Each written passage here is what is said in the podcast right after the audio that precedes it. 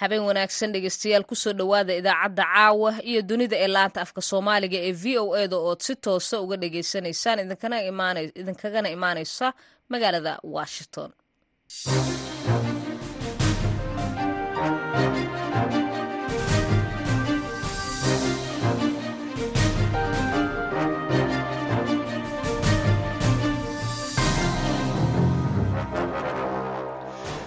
waa fiidnimo isniina bisha maarso ee sanadka labada kun iyo saddex iyo labaatanka waa lix. Waxaad naga dhagaysanaysaan mawjadaha lix iyo tobanka iyo sagaal iyo tobanka mitirban iyo boggeena internetka ee v o a somaali com. Afrikada bari waa toddobadii fiidnimo xaggiina idaacadda caawa iyo dunidana waxaa idinla socodsiinaysa anigoo ah sahar cabdi axmed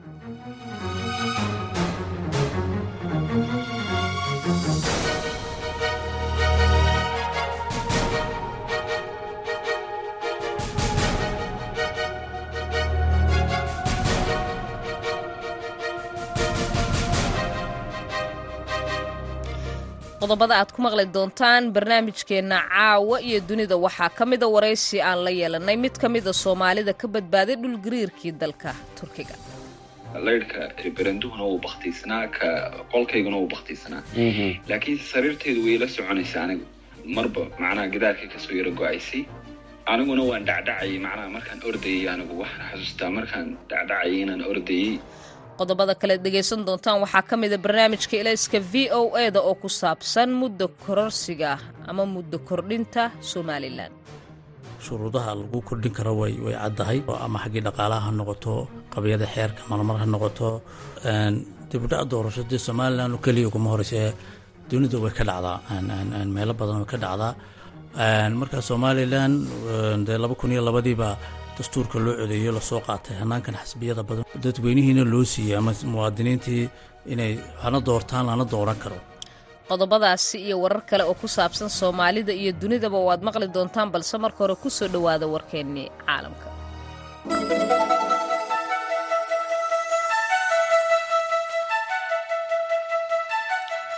Boqortooyada sacuudi arabiya ayaa maanta sheegtay in shan bilyan oo dollar ay ku shubtay bangiga dhexe ee dalka turkiga taasi oo taageero xooggan u ah dalkaasi oo la tacaalaya sicir barar xooggan iyo waxyeello ka dhalatay dhulgariir ku dhufta bishii tagtay. Axmed al khatiib oo ah wasiirka dalxiiska sacuudiga iyo xubin ka tirsan sanduuqa horumarinta sacuudiga ayaa heshiis la saxiixday bangiga dhexe ee dalkaasi turkiga si markaasi loo sameeyo lacag ku shubistan muhiimka ah oo dhan shan bilyan. Waxaa sidaasi bayaan ay soo saartay ku tiri dowladda sacuudi arabiya lacag ku shubistan waxay caddeen u tahay ayaa layidhi iskaashi dhow iyo xiriir taariikhi ah oo ka dhexeeya boqortooyada sacuudi arabiya iyo jamhuuriyadda turkiga iyo shacabka walaalaha. Ah go'aankaasi oo xoojin doona ayaa layidhi khadka telefoonka ee qaladaadka go'aankan oo xoojin doona ayaa layidhi kaydka lacagta qalaad ee turkiga islamarkaasina ka caawin doona inay la dagaalanto dalka turkiga sicir bararkaasi saameeyey. Sidaas waxaa sheegay war laga soo xigtay boqor salmaan iyo dhaxal sugaha dalkaasi sacuudi arabiya maxamed bin salmaan. Tallaabadan ayaa muujinaysa isu soo dhowaanshiyaha riyaad iyo ankara kadib markii xiriirkooda uu soo gaaray dhaawac culus oo ka dhashay dilkii labadii kun iyo sideed iyo tobankii suxufigii jamaal khashuqji oo lagu dhex dilay qunsuliyadda sacuudiga ee magaalada istanbul. Laba iyo toban ilaa iyo afar iyo toban qof ayaa lagu dilay waqooyiga dalka burkina faso gobolka xudunta u ah weerarada kooxaha xagjiriinta ah. Sidaasi waxaa isniinta maanta ta sheegay dadka deegaanka. Qofka deegaankaasi ka tirsan ayaa wuxuu u sheegay wakaalada wararka a f b in kooxda argagixisada ay weerartay tuulada oromia oo u dhow magaalada la yiraahdo oghuya weerarkaasi ayaa waxaa xaqiijiyey saraakiisha dowladda laakiinse maysa bixinin arrimaha la xiriira khasaaraha rasmiga ah. Ilaa iyo haatan waxaa wakaalada wararka a f b ay sheegtay in labaiyo toban qof lagu dilay weerarkaasi oo ka dhacay khamiistii halkaasi. Sidoo kaleetana qof kaleeta ayaa isna sheegay in tirada dhimashada ay korortay oo ay gaartay afar iyo toban qof dowladda ayaa waxaa jimcihii toddobaadkan ay soo xigatay gobolkaasi waqooyiga iyo qaybo kaleeto ka mida bartamaha dalkaasi. Dad sheegay in bandow lagu soo rogo xilliga habeenkii ah inta u dhexeyso tobanka fiidnimo ilaa iyo shanta subaxnimo ilaa iyo laga gaarayo koob iyo soddonka bishan maarso. In ka badan toban kun oo qof ayaa lagu dilay burkina faso tan iyo markii kooxaha jahaadiyiinta ay ka soo gudbeen dalka dariska la ah ee maali sannadkii labadii kun iyo shan iyo tobankii. Iyada oo dad ka badan laba malyan oo qof ee guryahooda ka barakaceen waxaana saddex maalmood meel dalkaasi hadda u jirta maamulka la sheegaa in ay gacanta ku hayaan kooxaha fallaagada ah hogaamiyaha ruuxiga ah ee dalka iiraan ayatullaahi cali khamani ayaa waxaa isniinta maantita uu sheegay in dadkii ka dambeeyey sumeynta gabdha yaryar ay la kulmi doonaan ciqaab adag sida lagu sheegay bartiisa twitterka war la soo dhigay. Dhowr boqol oo kiis oo sun ah ayaa la soo wariyey intii u dhexaysay sanadkan iyo kii horetaba konton iyo laba iskuul oo ku yaalla guud ahaan iiraan ayaa la yiri dhammaadkii bishii novembarna waxay ahayd tiradii ugu dambeysay oo la soo wariyey sida lagu sheegay tirada rasmiga ee dowladdu ay soo saartay. Gabdhaha ayaa waxaa la sheegay in ay qaadeen xanuuno ay ka mid yihiin kuwa neefqabatinka ah iyo sidoo kaleeta lalabo iyo cuduro kaleeto kadib markii ay heleen amaba ay uriyeen ur aad u xun oo aan la garanaynin taasi oo cabsi ku abuurtay waalidiinta uguna baaqay dowladda inay tallaabo ka qaadaan arrintaasi. Kamani ayaa sheegay in haddii la xaqiijiyo in ardayda la sumeeyey ay taasi noqonayso dembi aan la ilaawi doonin. Waxaa kaleeto uu sheegay in dadka ka dambeeya ay mutaysan doonaan ciqaab adag oo aan cafis lahayn. Madaxa garsoorka ee iiraan ayaa isna waxa uu sheegay maanta in shakhsiyaad loo xirayo sumeynta gabdhahaasi laguna soo oogi doono dacwad ah in ay markaasi sameeyeen qaribaad amaba dhibaatooyin ay u geysteen dhallinyaradaasi saraakiisha iiraan ayaa weli aanan sheegin in qofka la soo xiray uu saameyn ku leeyahay iskuulkiiyo gabdhahaba. Warkii dunidana waa naga intaa.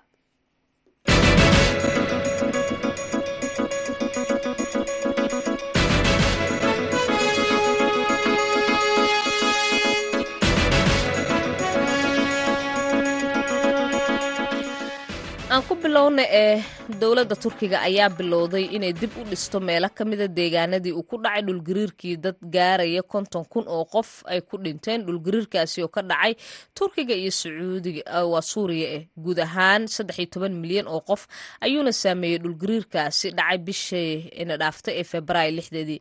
Dadka ku dhintay iyo kuwa ku dhaawacmay waxaa ku jiray dad soomaaliyeed oo u badnaa arday waxna ka baranayay dhulka dhulgariirkaasi uu saameeyey axmed yuusuf warsame oo degan magaalada la yiraahdo gazenteb oo ka mid ah meelaha dhulgariirka ugu badan uu saameeyey waxa uu ka mid yahay qoys ka kooban lix qof. Haatanna waxa uu joogaa magaalada ankara wuxuuna u warramay wariyaha v o eda ee qaaradda yurub cabdixaafid cawil ismaaciil oo uga warramay halkii uu joogay markii dhulgariirkaasi uu dhacay iyo sida xaalka uu ahaa. Marka horese waxa uu weydiiyey sida iminka xaalka uu yahay. Alxamdulilah ilaahay baa mahadle waan iska fiicanahay boqolkiiba boqol waxna hadda imay soo gaadhin oo hadda alxamdulilah nafsiyan iyo jismiyanna waan u wanaagsanay waa tahay axmedow markii uu dhulgariir ku dhacay xaggee ayaad ku sugnayd? Wallahi taasi waan hurday markaa qolkaygaan ku sugnaa oo waanana jiifay markaa adigu uu dhulgariir ku dhacay. Markaas maxaad dareentay ee kugu horeeyey. Waxaan dareemay wallahi maxaa la odhan jiray? Horta waxaan ku wada horudnay qolka aniga iyo inan kale oo aan walaal nahay markaa isaguu soo jeeday. Markuu soo jeeday isagu film buu daawanayay markaa oo uu gariiray dhulka wax kuleeyi marka hore wuu ila gariiray. Markuu ila gariiray isagu wuu cararay markiiba. Waa tahay adigu adigu adigu axmed ahaan maxaad dareentay anigu waxaan markaan markaan anigu soo kacay maan soo kicin isla markiiba maan soo kicin oo dee attentionkayga weli muu soo wada kicin isagoo aanu soo wada kicin ayaa soo orday albaabka xilli aan boobay xilli aan anigoo dhacdhacayo oo dee dibadda joogun baan is arkay anigu waa tahay. Marka guriga aad ku jirtaan dabiqebaad kaga jirtaan wallahi waxaan ku jirnaa dabaqa ugu hooseeyaan ku jirnaa adigu xagga ugu hooseysaan ku jirnay macnaha garishkaan ku jirnay xagga laga soo galo albaabka. Qoladii ugu soo horbaxday baanu ahayn. Annaga nin quraa naga ninkaasina waxaan u malaynaya inuu markiisii hore uu dabadda sii joogay. Waayo cid annaga naga hooseysaa may jirin. Waa tahay. Marka markii aad hurdada ka kacday guriga alaabadii taalay maxaad arkaysay? Wa wallaahi walaalo kumaana soo noqon bo bahalku wuxuu soconayay laba minid buu soconayay baqdintii iyo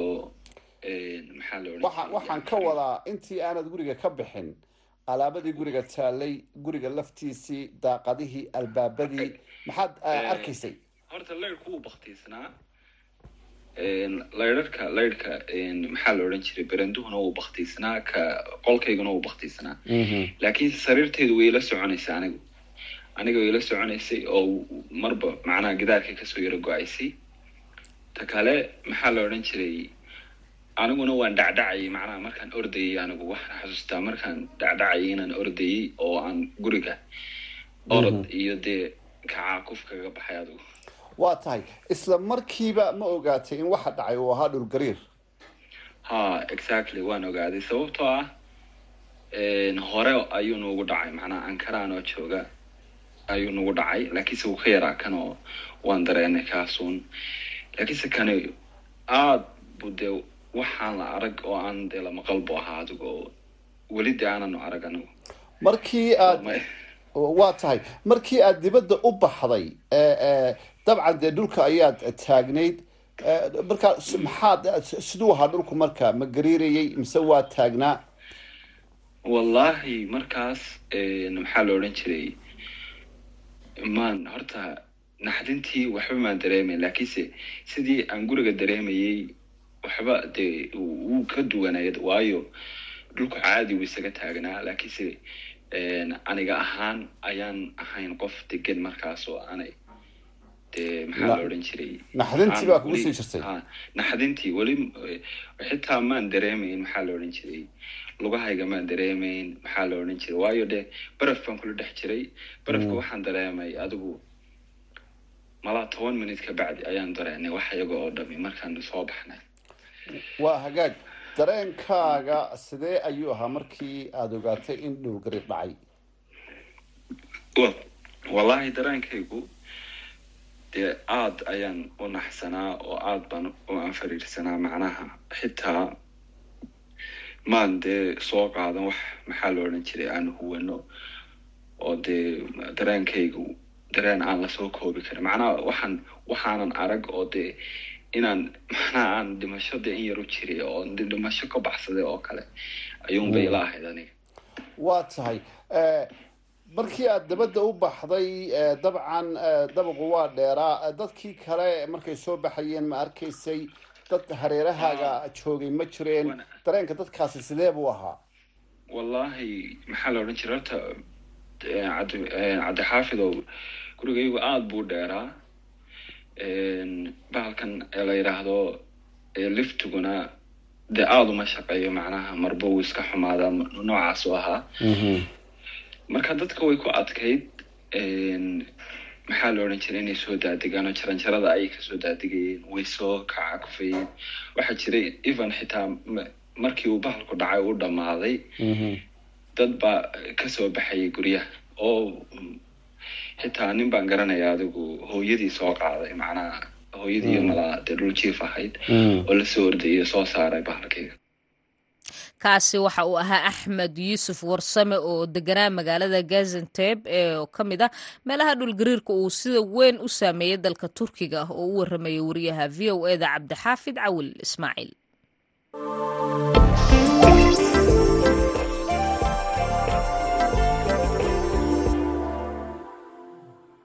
weli waxaad naga dhagaysanaysaan washington.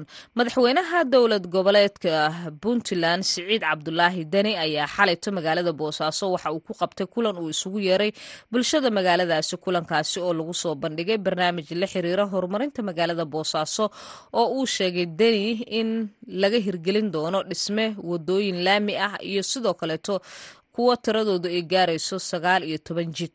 Madaxweyne deni ayaa waxaa munaasabadaasi uu kaga hadlay arrimo dhowra oo la xiriira magaaladaasi.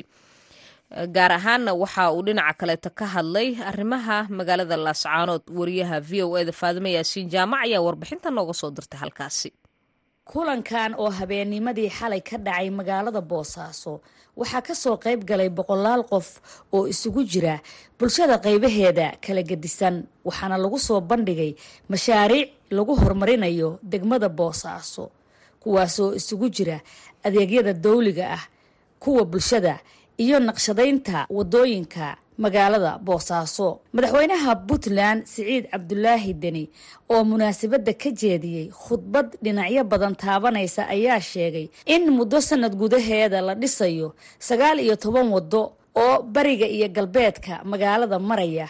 Dherarkooduna celcelis ahaan noqonaya konton iyo lix kilomitir. Waxaa halka lagu soo bandhigay in loo baahan yahay bari iyo galbeed in la sameeyo sagaal iyo toban waddo dherarkeedu uu noqon doono marka la isku celceliyo konton iyo lix kilomitir lana sheegay in tiro ku dhow soddon iyo toddoba guri ay haleeli doonto. Dowladda puntland anoo magaceeda ku hadlayo waxaan ballan qaadaynaa haddii ilahaydba muddadaas sanadka gudaheeda konton iyo lixdaas kilomitirna inaan laami ka dhigno marka la banneeyo haddii ilahayd madaxweyne deni ayaa sheegay in maamulka puntland uusan wax luga ku lahayn dagaalka ka socda gobolka sool. Isla markaasna haddii shacabka gobolka sool ay doonayaan inay go'aan ka gaaraan aayahooda in aysan puntland ka hor istaagayn. Waxaan rabaa inaan halka ka caddeeyo annagoo ogsoon inuu dastuurkeennu qorayo inay puntland ka tirsan yihiin. Ayaan haddana marar badan ku celinay inaan u ogolnahay inay ka tashadaan iyagoo miiri qaba oo xabadi ku socon oo kuwa maqan ay yimaadaan oo kuwa jooga ay joogaan oo kuwa kale aragtida duwan intay fadhiistaan go'aanka ay qaataan baan kula shaqaynayna mar horena waa nidhi mar dhexe waa nidhi mar dambena waa odhanayna waana ku celcelinayna urur siyaasadeedyada puntland ayaa madaxweyne deni waxa uu ugu baaqay inay u diyaar garoobaan doorashada golayaasha deegaanka. Diwaangelintii waa gebagebo waxaan ugu soo foollay doorashadii. Waxaan rajaynayaa ururada siyaasadda ee puntland inay intay goorgoor tahay diyaargarow fiican u sameeyaan siday bulshadooda u gaari lahaayeen. Waxaa annaga naga go-an nidaamkan dimuqraadiga ah iyo axsaabta badan inuu hirgalo madaxweynaha puntland ayaa sheegay inay xaaraan tahay in arrin siyaasadeed ay xabadi ka dhalato balse haddii ay xabadi ka dhalato arrin amni ay xakamayn doonaan. Dadka wuxuu doonayay in qori lagu caburiyo. Arrinta ayaa laysku dayay. Siyaasad maaha. Yaan mararka qaarkood loo fasirin amniga iyo yaan la ysku khaldin siyaasadda. Marka waan rajaynayaa arrin siyaasadeed xabadda ka dhalata waa xaaraan. Laakiin arrin amni wixii ka dhasha waxaan u baahannaha inaan xakamayno way imaanaysaa adduunkao dhanna way ka dhacdaa. Mararka qaarkood amniga marka la sugayo khaladaad baa ka yimaado dhinacuu raba ha ka yimaado. Ama cidda sugaysa ha ka yimaado ama kuwa lagu sugaayo oo gadood muujiya ha ka yimaado laakiin arrimo siyaasadeed inaan xabad isugu qaadanno. Arrin wanaagsan ma aha waxaan rajaynayaa wixii tega waa tageen in layscafiyo lagu noqnoqon waxbaa dhacay. Hore loo socdo waxaan rajaynaynaa puntland dimuqraadiya. Dadkeedu isjecel yahay horumar gaarta. Muddadii ay socotay munaasabadda waxaa lagu soo bandhigay mashaariic horumarineed oo ka socda magaalada boosaaso. Sida ballaarinta garoonka iyo dekedda boosaaso. Dhismaha garoonka kubadda cagta magaalada boosaaso. Horumarinta korontada iyo biyaha boosaaso. Iyo howlgallo lagu doonayo in lagu banneeyo waddooyinka magaalada dhex mara. Faadime yaasiin jaamac v o a boosaaso. Mahadsanid faadima yaasiin jaamac haatanna ku soo dhowaada dhegeystayaal xubintii ilayska v o e da waxaa soo jeedinaya maxamed colaad xasan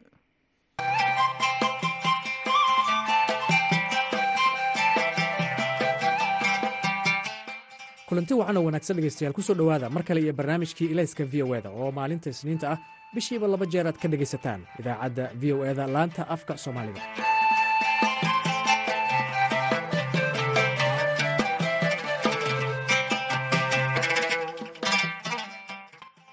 Burburkii dowladdii dhexe ee soomaaliya kadib somalilan oo ka kooban gobolladii waqooyi ee ka xuroobay gumaystihii britain ayaa siddeed iyo tobankii bishii mey iyo sagaashankii waxay ku dhawaaqday inay ka go'day soomaaliya inteeda kale. Tan iyo xilligaas waxay mas'uuliyiinteeda iyo madaxdii soo martay ee xilalka isaga kala dambaysay ay raadinayeen aqoonsi caalami ah waxaana halkaasi ka hirgalay nabadgelyo aan ka jirin soomaaliya inteeda kale iyo doorashooyin si nabadgelyo ah oo dimuqraadiya ku dhaca. Haddaba labiiyo soddon sannadood kadib maxaa keena dibudhacyada doorasho ee somalilan iyo muddo kororsiga madaxda su'aashaasi ayaa barnaamijka elayska v o eda uu hordhigay xuseen maxamed jaamac belel oo ah ku-xigeenka garyaqaanka guud ee somalilan dhowr sababood baa keena dibudhaca doorashooyinka dalka. Waxaa keena duruufo kala duwan oo mid walba xaalad bay ayay leedahay. Waxaa ka mid a muranada asxaabta siyaasiga ah oo door weyn ku leh geedi socodka doorashada. Dibudhaca ku yimaada abaaraha keena sida de xeerku tilmaamay ama qodobada xeerku ay tilmaamayay dastuurkubana shuruudaha lagu kordhin karo way way caddahay. Ama xaggii dhaqaalaha ha noqoto qabiyada xeerka marmar ha noqoto dibudhaca doorasho dee somalilan oo keliya kuma horeyse dunida way ka dhacdaa meelo badan way ka dhacdaa marka somalilan dee laba kun iyo labadiiba dastuurka loo codeeyo la soo qaatay hanaankan xasbiyada badan dadweynihiina loo siiyey ama muwaadiniintii inay hana doortaan lana dooran karo sidaa daraadeed dastuurku u damaano qaada muwaadinkii in wax doorto lana doorto. Teeram kastoo doorashana waa cayimo waqti buu leeyahay. Laakiin dibudhacyadan imaadaa had iyo goor waa caqabada iyo turunturooyinkan waa wax dunidoo dhame ay soo maraan waa wax laysla yaqaano. Laakiin waxay moodaa inay yaro bateen oo marka loo eego dee golayaal shan iyo toban sano in badan fadhiyaya marka dhaawaca way dee ku keentaa oo marka way jirtaa caqabad way dee sawirkiina way xumaynaysaa way ku jirtaa madaxweynaha haatan talada haya muuse biixi cabdi waxa uu wakhtigiisa ku ekaa saddex tobankii bishii nofembar ee sannadkii tegey laakiin waxa uu xilka weli ku fadhiyaa muddo kordhin laba sano ah oo ay golaha guurtidu u sameeyeen bishii oktoobar muddo kordhintaa oo xisbiyada mucaaradku ay ka soo horjeesteen. Dowladda somalilan ayaa ku doodaysay in muddo kordhintu ay dastuuri tahay marka loo baahdo. Waa kan xuseen maxamed jaamac belel mar kale. Dastuurkay ku qoran tahay muddo kordhintu xeerarka doorashooyinkana way ku qoran tahay marka dastuurka qodobka siddeetan iyo saddex iyo labayo afartan oo golaha wakiilada iyo madaxtooyada si loogu kordhin lahaa wuu ka hadlaa haddii doorashadii madaxweyne ku qabsoomeyday madaxweyne ku-xigeenku in golaha guurtidu ay ay ay muddo u qabanayaan. Xeer namber koob iyo sagaashan oo xeerka guuda doorashooyinkana qodobkiisa lixaad farqada afraad iyo shanaadba way ka hadashaa oo commisshinku haddii uu qaban kari waayo ama ay qabsoomi weydo doorashadii madaxweynuhu sababo farsamo awgood oo technicality ah badanka waxay u badan tahay arrin farsamo u badan tahay. Wuxuu xeerku si dhigayaa in de waqti la siiyo commishinkuna uu ku diyaar garoobo dee duruufahana lagaga bixi karo. Marka haddii goor farsamo ahaan dib ugu dhacdaa oo ama diiwaangelin ha noqoto ama dhaqaale ha noqoto ama murankan xasbiyadii sujeedka oo komishinkii doorashooyinka magacaabideedii diidmadii oo goli wakiiladuna ay qeyb ka yihiin way u dhacdaa. Ama dhaqaalihiio dee aan jirinoo dalyaro korayo oo aan wixiisi jeebka ku haysaninoo markuu wax qabanayo u baahan caawimo kale. Walow hadda doorashadii dambe ay dowladdu qabatayba marka walaal madaxweyne kasta horta waaba xeera waaba dastuuri in la qabto. Ujeedaduna waxay tahay dadku nabadanay soo dhisteen iyo halgankii loo soo maray iyo dibudhiskan qaranka ay wareen iyo sidaaskanay iyagu dhiseen aasaaskooda ee iyagu dee yahay tacabkoodii ay soddon sannadood wadeen ayaa loogu talagalay inaanay si fudud oo doorashadiiba dhici weydo sanad baa dib loo kordhiyay aan qarankii u dimin. Belel ayaa dhinaca kale aaminsan in muddo kordhinta iyo doorashooyinka dib u dhaca ee somalilan aanay xukuumaddan oo keliya ku cusbeen laakiin ay ahaayeen wax ay madaxdu kala dhaxasho. Madaxweyne kasta xukuumaddu waxay kala dhaxlaan problemka doorashooyinka. Marka doorashadii oo midba mid bay riixaysaa. Marka matalanba doorashadii axmed siiraani markuu madaxweyneha ahaa soo riixantay ee dabeetana seventeenki fifteenkii laba kun shan iyo toddobiyo tobankii soo gashay waxay dhaawac gaadhsiisay muddadii xisbiyada. Oo tobanka sannadood ahayadoo watii muranka dee waagi dhoweed ilaa iyagiiba ay liisanka ka dhacay. Waxay muran gelinaysaa tii madax tii golayaashii deegaanka iyo golihii wakiilada oo dibudhici uu ku yimid oo iyagii golihii deegaanka lagu doortay iyadoo sanadu harsanyay xisbiyadii oo murankeena gelisay aad marka isriixaasi wuxuu keenayaa broland buu kolba wuxuu isriix siixmayaa madaxweyne cusub ee iman doona. Ayuunbay ku tahay. Marka intaan ka ogahay anigu madaxweynahan maanta joogo ee muuse biixi cabdi wakhtigii xilka la wareegay laba kun iyo toddobiyo tobanka bishii labiyo tobanaad bil markuu joogaba wuxuu bilaabay sidii uu geedi socodkii doorashooyinka golaha deegaankii golaha wakiilada oo qorshaysnaa laba kun iyo sagaaliyo tobanka abril uu taas fooraskii iyo wadashaqayntii iyo hirgelinteedii dhabbadiibuu markaa u sii jeexayay markiiba asxaabtii uu yeedhay wuu abaabulay. Laakiin muddo yar markii hawshii socotay baa asxaabtii mucaaradka ahayd waliba xisbiga wadani uu deedifeeyey commishinkii lama shaqaynayna anagu dabeetana murankii halkaa ka dhacay wuxuu keenay inay dhici weylo doorashadii seventeenkii. Dabeetana laba sannadood dambena commissionkii la isku haysto. Saameyntay taasi samaysana waxay sii dhaawacday. Doorashadii madaxtooyada laba kun iyo labaiyo labaatanka saddex iyo tobankii novembar dhici lahayd bay saameyn ku yeelato muranka jiitankiisii wuxuu keenay in laisjiijito commissionkii dambe la ansixin waayo golihii. Dabeetana wakhtigii ay ku diyaargaroobalan uu ka dhaco. Belel ayaa ka jawaabaya in muddo kordhinta iyo doorashooyinka wakhtigooda dib looga riixo ay khatar ku keeni karaan nabadgelyada somalilan. Haddii goor dowladaha afrikaankuna waxay buuqu ka dhaca mooba doorashooyinka. Iskabadda afrikaankii oo dee maraykankii baad ogeen in capital hiilkii la galay oo donald trump iyo murankii ka dhacay.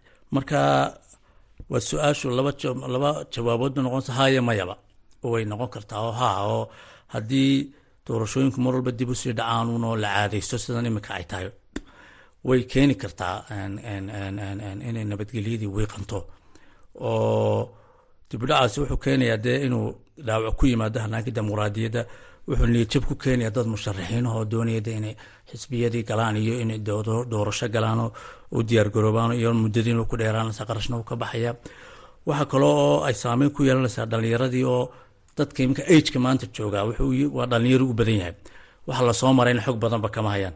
Inaan facebook laba ingiriiska ka soo maamulayaba dabeetana ma garan karaan dhibtii iyo dhaawaca loo soo maray iyo dowladnimadii nabadii lexjecladan dadkan maanta ka haysaa iyagu damba kamaloho aad uguma baraarugsano wacyigelin badanna ma qabaan. Marka haa way samayn kartaa. Haddii aan la samaynin aan la helin hanaan lagaga baxo doorashooyinkan faraha badan ee dib u dhacaya iyo jiitankoodan iyo doorashooyinkan filiqsan ee qarankani dhigbaxa ku ah haddaan loo helin oo daraasadinta la sameeyo shuruucdii holba la eego aan laga soo saarin daraasada laga soo saarin habkii looga bixi lahaa ee doorashadan loo midayn lahaa hal mid layskaga dhigi lahaa wakhtigoodina ay ku qaban lahaayeenoo de xeerka dee la dabaqi lahaa. Yunis axmed yunis waa xogayaha cadaaladda ee xisbiga mucaaridka ee waddani.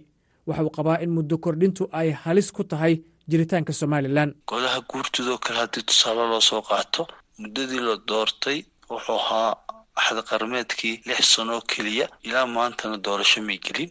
Taasina waxay caalam su'aal ku tahay hanaanka dowladnimo ee somalilan siduu u socon karo. Sida la wada ognahay golihii golahan ka horreeyay lix iyo toban sano ayuu madaxa ka jaray oon la dooran. Shan sanoo keliyaa la doortay. Marka muddada intaa laeg muddo dhaaf buu ahaa. Golihii deegaanka ka horreeyay sagaal sannadood iyo saa'id buu fadhiyey shan sanoo keliyaa la doortay. Madaxweynaha maanta jooga shan sanaa la doortay sannadkii lixaad buu galay. Laba sano muddo kordhinaya ayaa loo sameeyey oon laysku waafaqsanayn. Marka oo weliba khilaaf badan iyo dhib badan ka dhacday oo dad badan lagu laayay dhibteediina weli ay taagan tahay oo dadka iminka aada moodaa inaynay weli ka bogsan.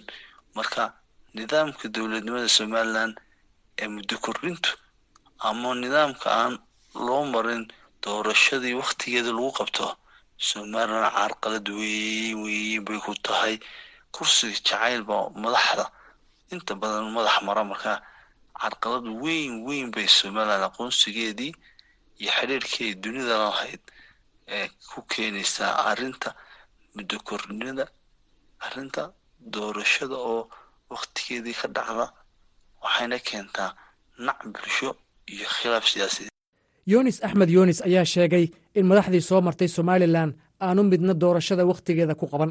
Nidaamka isdooriddu ee la isdooranayo waxa weeye heshiis bulsho kaasoo ku aasaasan dastuurka somalilan. Waa kiin waxaa muuqata labiyo soddon sannadood weli inaan hogaamiyaashii somalilan soo maray midna doorasho wakhtigiisa ku qaban. Ugu dambeeya madaxweynaha somalilan muuse bixi cabdiimika doorashooyinku waa heshiis bulsho. Heshiiskaa bulsho haddaan la ixtiraamina khilaafay iyo dhibaato badan baa ka dhaca. Somalilan maadaama aysan haysan aqoonsi caalami ah waxay ku tiirsan tahay deeqaha caalamiga ah iyo canshuurta ka soo xaroota gudaha. Maxamed yuusuf cawad oo ka mid a ganacsatada somalilan ayaa ka warramaya saamaynta khilaafaadka siyaasadeed ay ku yeeshaan ganacsiga iyo dhaqaalaha somalilan. Marka ugu horeysa haddaanu ka hadalno dibudhaca doorashooyinku maxay saameyn ku leeyihiin? Taasi waxay noqonaysaa inaynu eegno ganacsiga inaynu eegno marar badan oo in badan ay somalilan ay doorashooyin soo qabatay marar badanna ay dib u dhaceen golayaasha sharciga iyo maxaanku idhahday ta madaxtooyaduba. Dibudhaca ay keenaysaa keliya wuxuu noqon karaa in maxaanku idhahday xiliyada kala guurka ay ganacsigu hoosu yaro dhaco oo in yar aad moodo inay de suuqu istaago oo wax laga yaabo wax kala iibsigu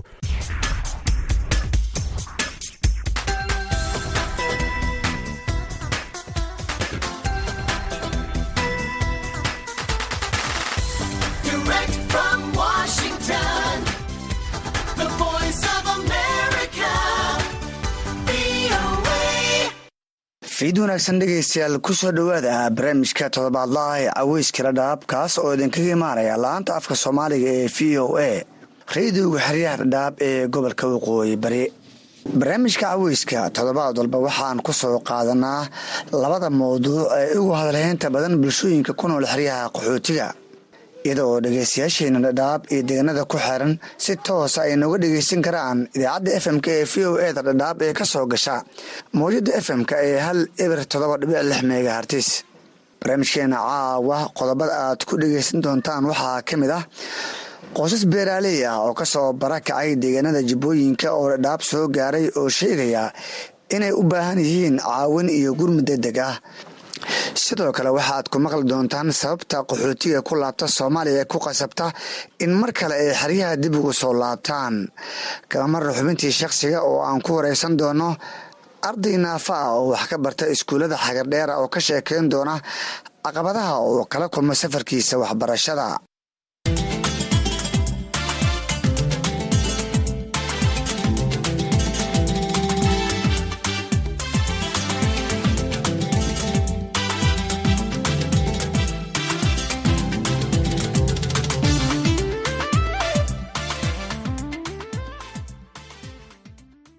barnaamijka waxaa idinla socodsiinayaa aniga oo ah cabdisalaan axmed cabdisalaan salas.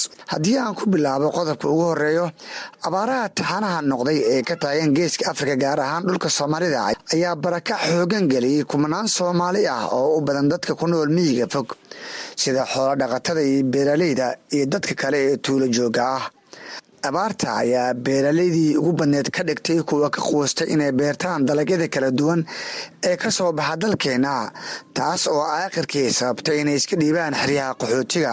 Faadumaha ajecale oo ka mid a beeraleyda dhowaan soo galay xeryaha qaxootiga ayaa barnaamijka cawiysa uga warantay dhibaatada ay abaaraha ka dhaxleen ee ku qasabtay inay nolol u soo doontaan kaamka dhadhaab faadimo xaajiyaa lii dhahaa dhanka buaalan ka imaaday abaaro fara badan ayaan la kulugnay toddoba sano iyo wax la jiro oo abaaro ahaan la kulugnay marka gaaji iyo rafaad iyo matoor sanad walbe ayaan la kulugnay wixii aan u soo dulqaadana waynay marka gobolka waxaan nolol u soo raadsan waddamada kenya hay'adaha ayaan caawin iyo waxaasaan aaga soo raadsanay. Waayahay faadmo waxaad ii sharaxdaa xilligaad ku noleed bu-aale qoys ahaan.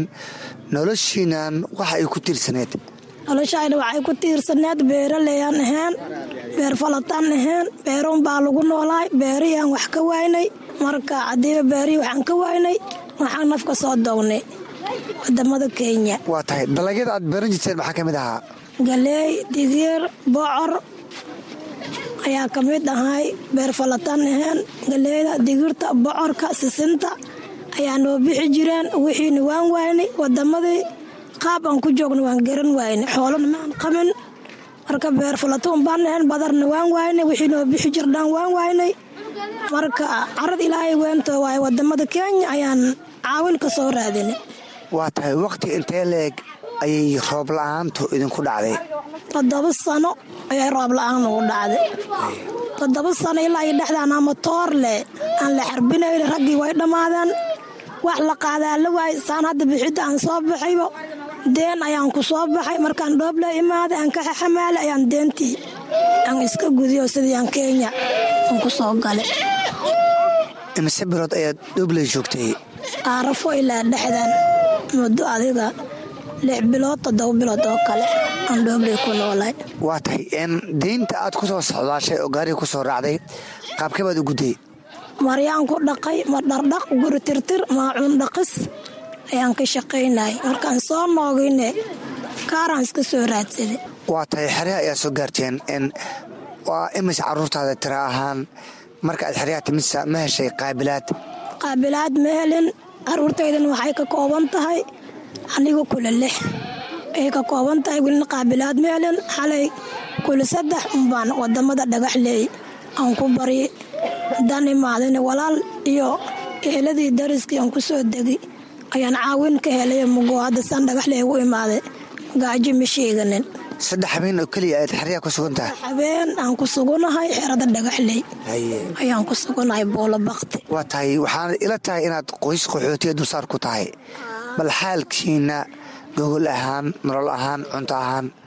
Nolol ahaan iyo cunto ahaan iyo gogol ahaan ehelkii akhribada waloti ana aan ku soo duldegay ayaan ku noolahay dad walaalo iga soo horeey oo walaale oo iyaga qaxooto oo aan waxba igu dhaamin ayaa i caawiyeen.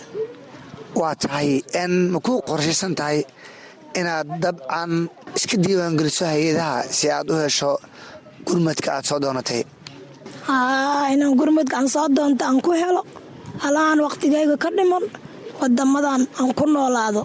Inkastoo hay'adaha aan kala aqoonin inaan saas aan u raadsado ayaan u imaaday meel in qaxootigaasi qaabilo oo lii qaabilo caawin liisii nin ilama jiro anigii ciyaalkayga leewaay ilaa ayaan umagansanahay hay'adaha ayaan umagansanahay caawin xoogan ayaan ka rabaa.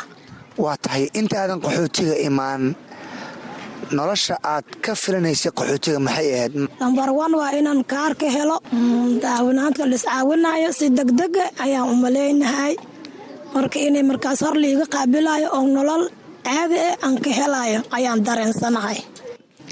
Aad bay umahadsantahay taasina waxay ahayd faadumo xaaji cali oo ka mid ah beeralayda ka soo barakacay jubbooyinka oo igu warantay gudaha xeryaha dhadhaab ee gobolka waqooyi bari dhinaca kale abaartan ayaa saameyn ku yeelatay xoolodhaqatadii ugu badneed ee gobolka iyadoo dhaafisay xoolihii ay dhaqan jireen. Xuseen cali ibraahim waa lixdan iyo sideed jir aan weligiis arkin xiriiq qaxooti balse abaarta xoolihiisa dhaafisay ayaa tiri baro nolosha qaxootinimada. Waxaan ka wareysanay aabbahan soomaaliyeed abaarta iyo sidai ay u saamaysay xoolihii uu dhaqan jiray magacayga waxaa layidhaahaa xuseen cali ibraahim. Maxaan ku dhashay dhoobley weli iyo kismaayo weliba meel dhoobley soo xigtoo kismaayo ka sokays waktigii ilaahay banaanka keenay iyo waktigaas dhexdooda waxaan ku noolay adduunyo adduunyadii lo oo afartanna iyo ari laba boqol iyo kontanna yaan ku noolaay. Brofesorna iskaga joogna muslimiinta ilaahay oo deganaan ka mid aheen waxa iyaga ahaay waxba gacantahayna kuma jiraan waa tahay. Waxaad noo sharaxdaa abaarta wakhtigii ay idin bilowday iyo qaabka xoolihiinna ay abaarta idin dhaafisay. Shan sano oon soo dhaafnay abaar unbaa iska dabimaadaysa abaar unbaa iska dabimaada hadba sanadkan wax unbaa soo heraay wax unbaa soo heraay sanadkan shanaad waxay waa isku daba dhammaadeen haddii ay isku daba dhammaadeen nafta waxay ugu qasabtay meesha dadweynaha laga helayo oo ku nool yahay inaan nafta hala wada arkay aan carruurta geey. Waa tahay xuseen noloshaada. Weli qaxootiga ma timid oo fahma ka haystaa nolosha qaxootinimada?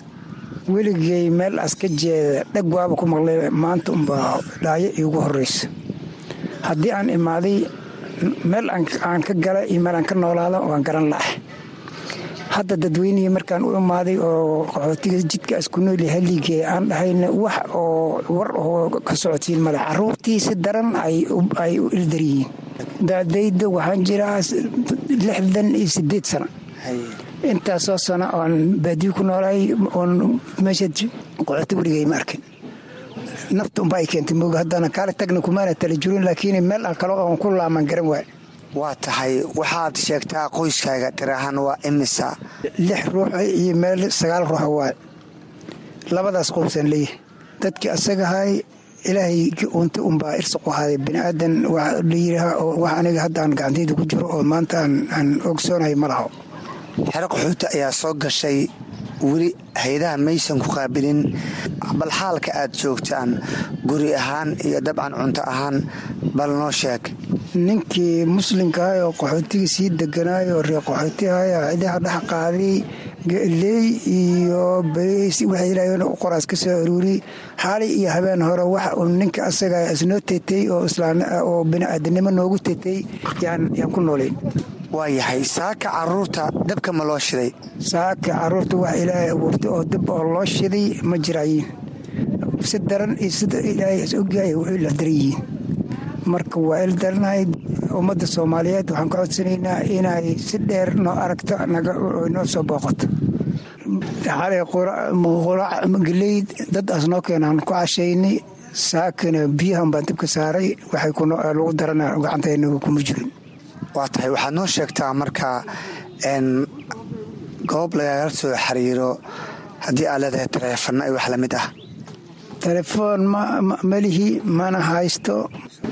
Waxaan joognaa ciddaas gudoomiyaha isaaq ciddiisaan joognaa cid alla cidiina cawinaysa gudoomiyaha isaaq ha nagala soo xiriirta aad buu u mahadsan yahay kaasin wuxuu ahaa xuseen cali ibraahin oo ka mid ah xoolaqatada abaarta ka soo barakacay ee dhowaan soo gaaray xeryaha oo igu waramay gudaha xeryaha dhadhaab ee gobolka waqooyi bari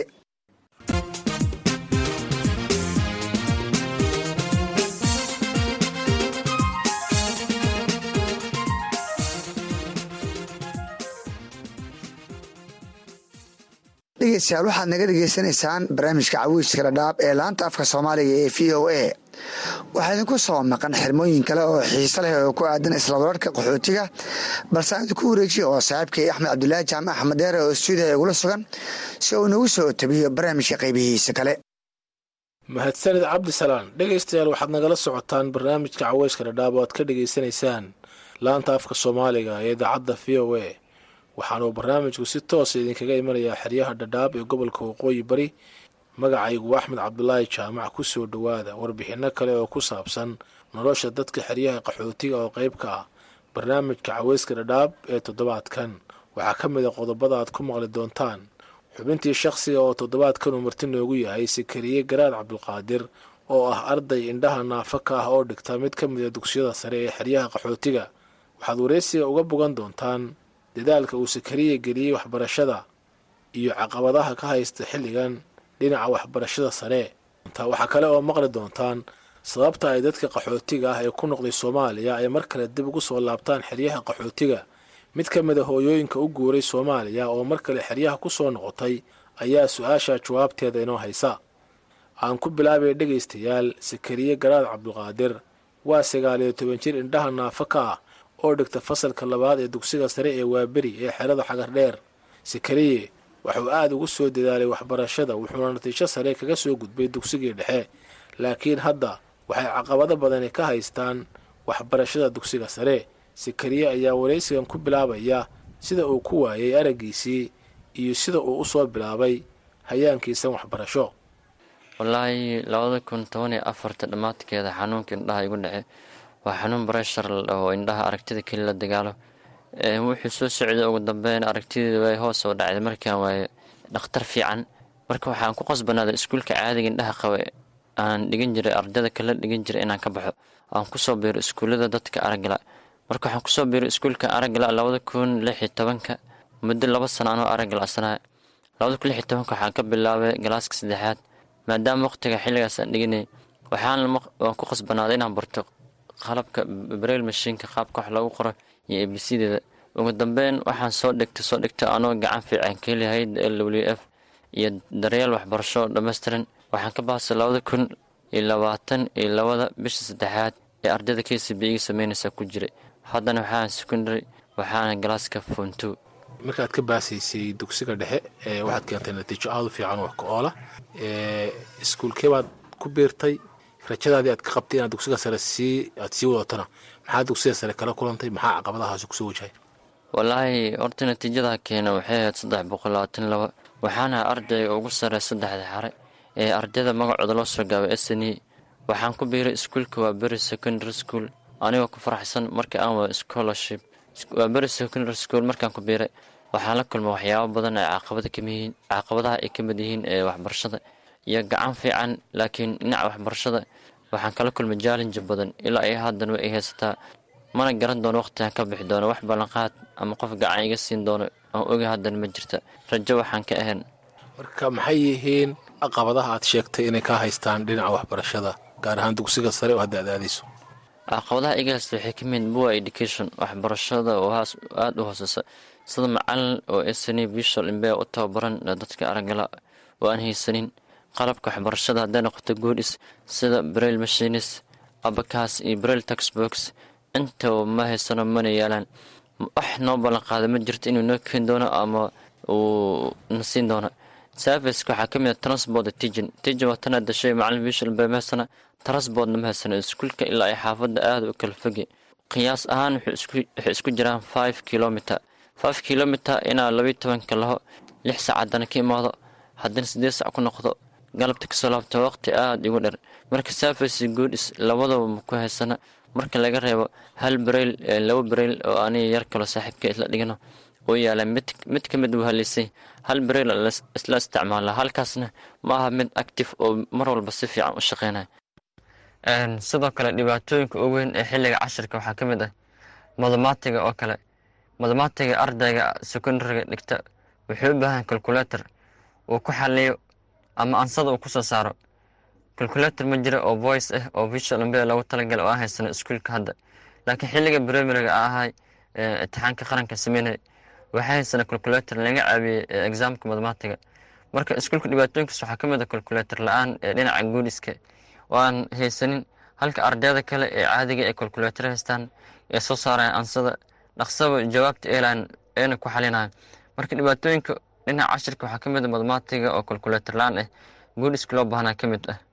Marka iskuulka caaqabadaha way badayin xilliga exaamka oo kale macalin visual imbea oo saxay ma leh waa in loo qaadaa meelo kale. Walow ischool administrationku iska fiican uu dadaalaya haddana caaqabado badan iska jiraan iskuulka. Caqabado badan baad sheegtay aan kala hormarino aan ugu horreysino caqabada dhinaca fogaanta iskuulka iyo sidai aad ku tegi lahayd. Inkastoo aad sheegtay inuu kaa fogyahay iskuulku misena waa tagtaa oo waxbarashadii waa wataa. Yaa kaa caawiya inaad iskuulka gaadho? Sidee iskuulka ku tagtaa? Sidees kaga soo noqotaa? Iskuulka waxaan ku tagaa yar saaxiibkayga ay caawiyo ardayda marba midaan raacaa laakiin waxaa u badan subaxi yar saaxiibkayga isoo maraa anna aa maraa marka sidaan ku tagaa markuu soo laabanay soo raacaa. Asaga bili-aadama dabcan mararka qaar wuu iska iloobi karaa. Laakiin haddana asaga gacan isiiyaa igeeyaa iskuulka iskalala soo laabanaa. Waayo iskuulka aad maadaama u fogi haddana magaaladu ka baxsanyay magaalada marka laga baxo ayuu ku yaallaa. Waxaan loo maraa meel duurar ah oo geedo badan ka baxo oo forest oo dhul iska keeme ah. Marka waxaa i caawiya saaxiibadeeda waan raaca marmar waxa aan israacnaa weynaaha iskuulka waama ka habsama maalintaasoo kale xaafadda iska joogaa maadaama transport aan haysan taas waa dhinacii fogaantii. Waxaa tiri iskuulka kuma haysto macalimiin u tababaran inay waxbaraan dadka aragala bal wax iiga sheeg markaad dugsiga hoose dhiganaysay macalimiinta aad haysatay iyo kuwa hadda aad ku haysato dugsiga sare macalimiinta dugsiga hoose ku haysta waa macalimiin aada fiicanay ahayn waxay ahayn macalimiin l w f hay'adda laha u shaqee mid wuxuu refugee teacher iyo mid kenyan teacher mid refugee teacher wuxuu haysta training fiican. Hay'adda l w f siisa sida wax loo baro dadka aragla mid kale mid iskiis wax u soo barto a keeyaan labadooda way dhammaystirnaayeen aqoontoodan way saraysa imtixaankeen meel fog looma qaadi jirin oo ayaga galaas ku six jirin laakiin hadda iskuulkan aan tagnay imtixaanka macalin garanaya farta brail mashin maba jiro wax sax ma leh.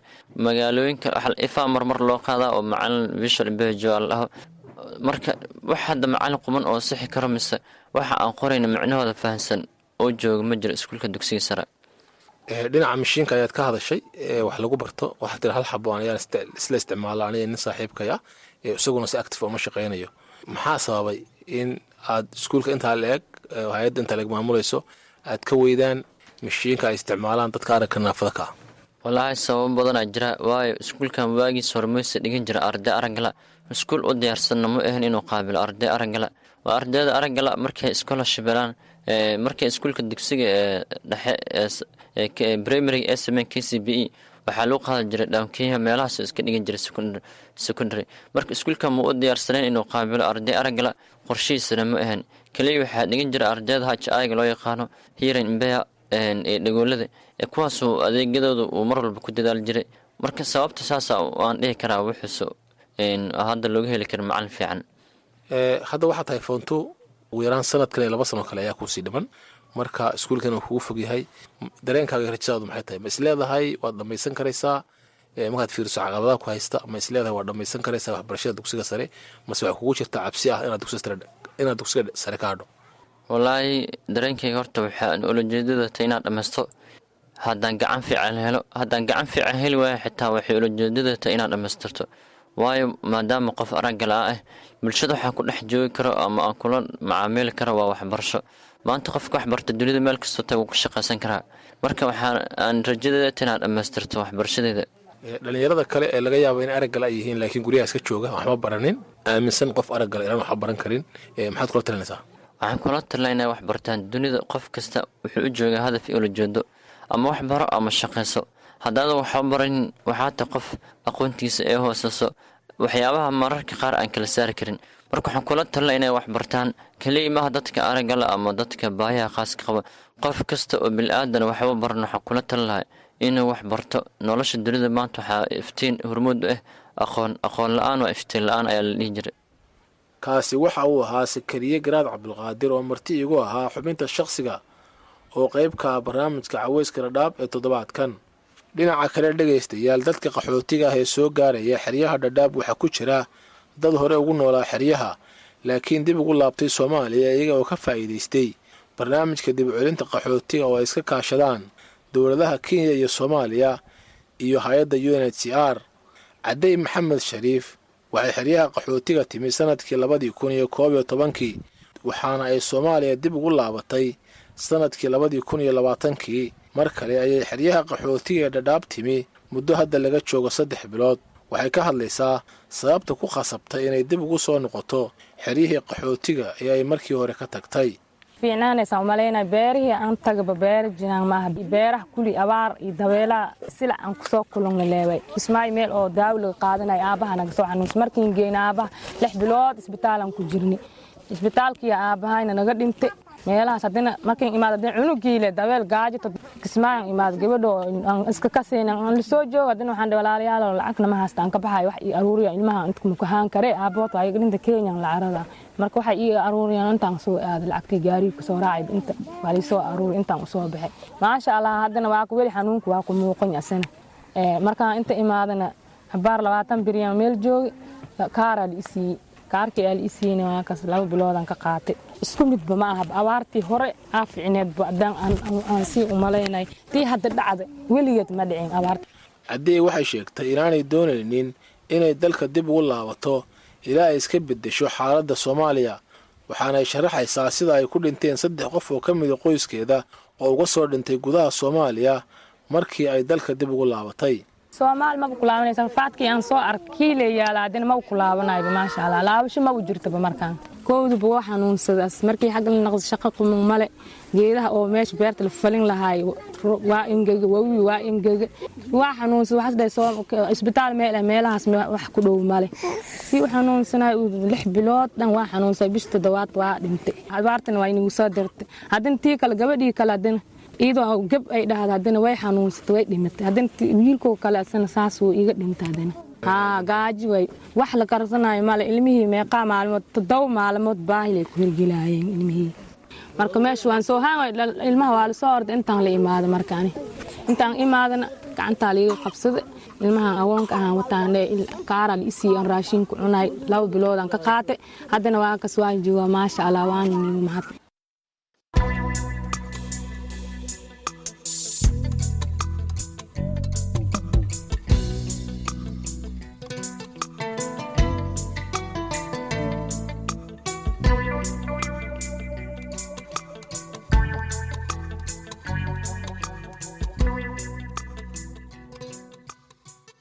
dhegaystayaal. Intaa ayuu inoogu egyahay barnaamijkii caweyska dhadhaab ee toddobaadkan.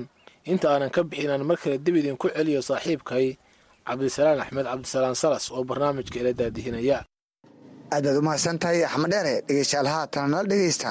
Heesta toddobaadka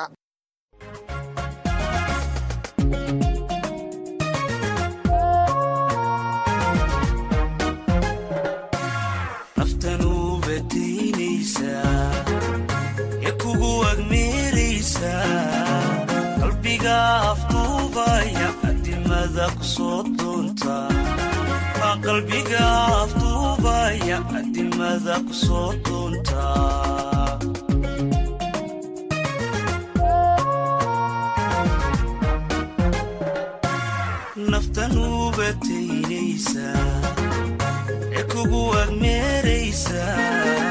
Qalbiga afduubaya addimada ku soo doontaa qalbiga afduubaya addimada ku soo doontaa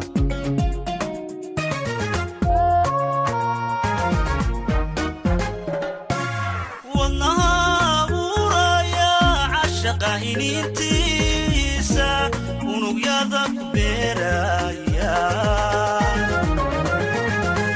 Inkastood idhaynayso ama aad ilaaqayso weyday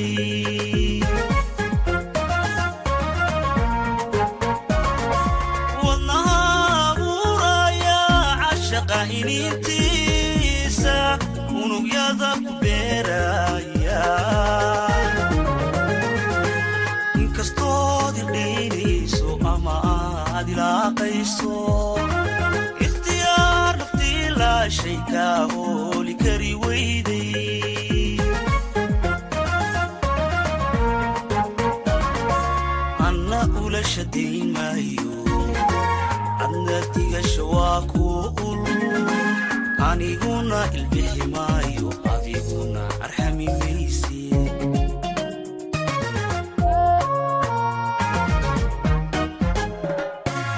anna ula shadayn maayo adna digasha waa kuu ul aniguna ilbixi maayo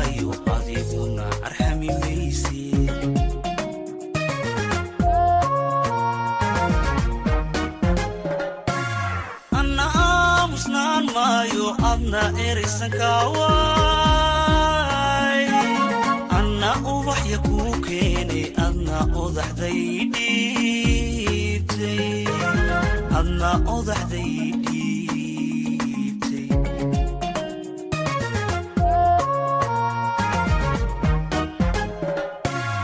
Anna aamusnaan maayo adna eraysankaaway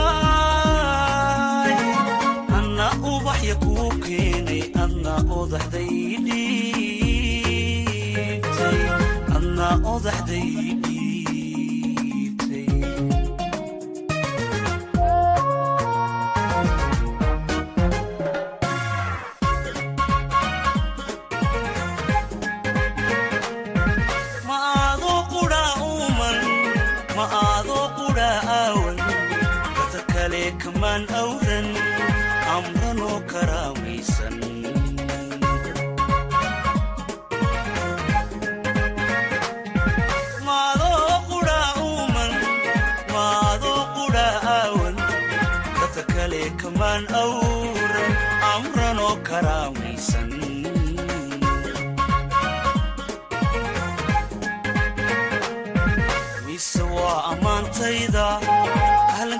salaantayda iyo eemameyntayda waxaan uruurka ku qaaday kaa dhigay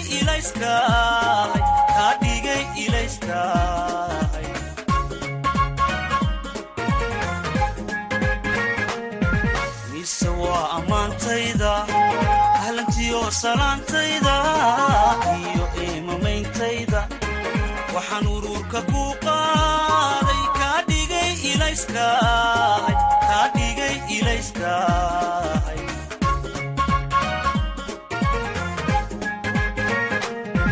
haddii aanan ku eexan ama aanan ku iilan ama aanan ku oomin ama aanan ku ooyin ixtiraam ku siinayn waadii ilmaynlay haysto ma arko ma eebeeyo mana oga ma weyneeyo mana oga ma weyneye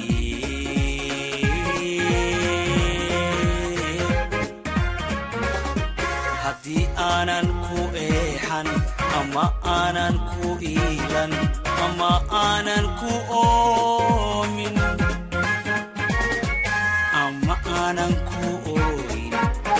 jiraan ku siinay waadii ilmaynlay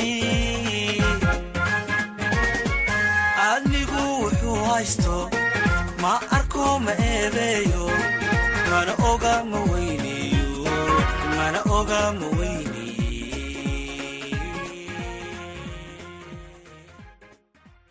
guud ahaan dhegeystayaal barnaamijka caweyska ee toddobaadkan halkaas ayaan ku saafmarayaa barnaamijka. Waxaa idiin soo jeedinayay anigoo ah cabdisalaan salas iyo saaxiibkay axmed deere tan iyo toddobaadka xiga intaa dib uu kulmi doono.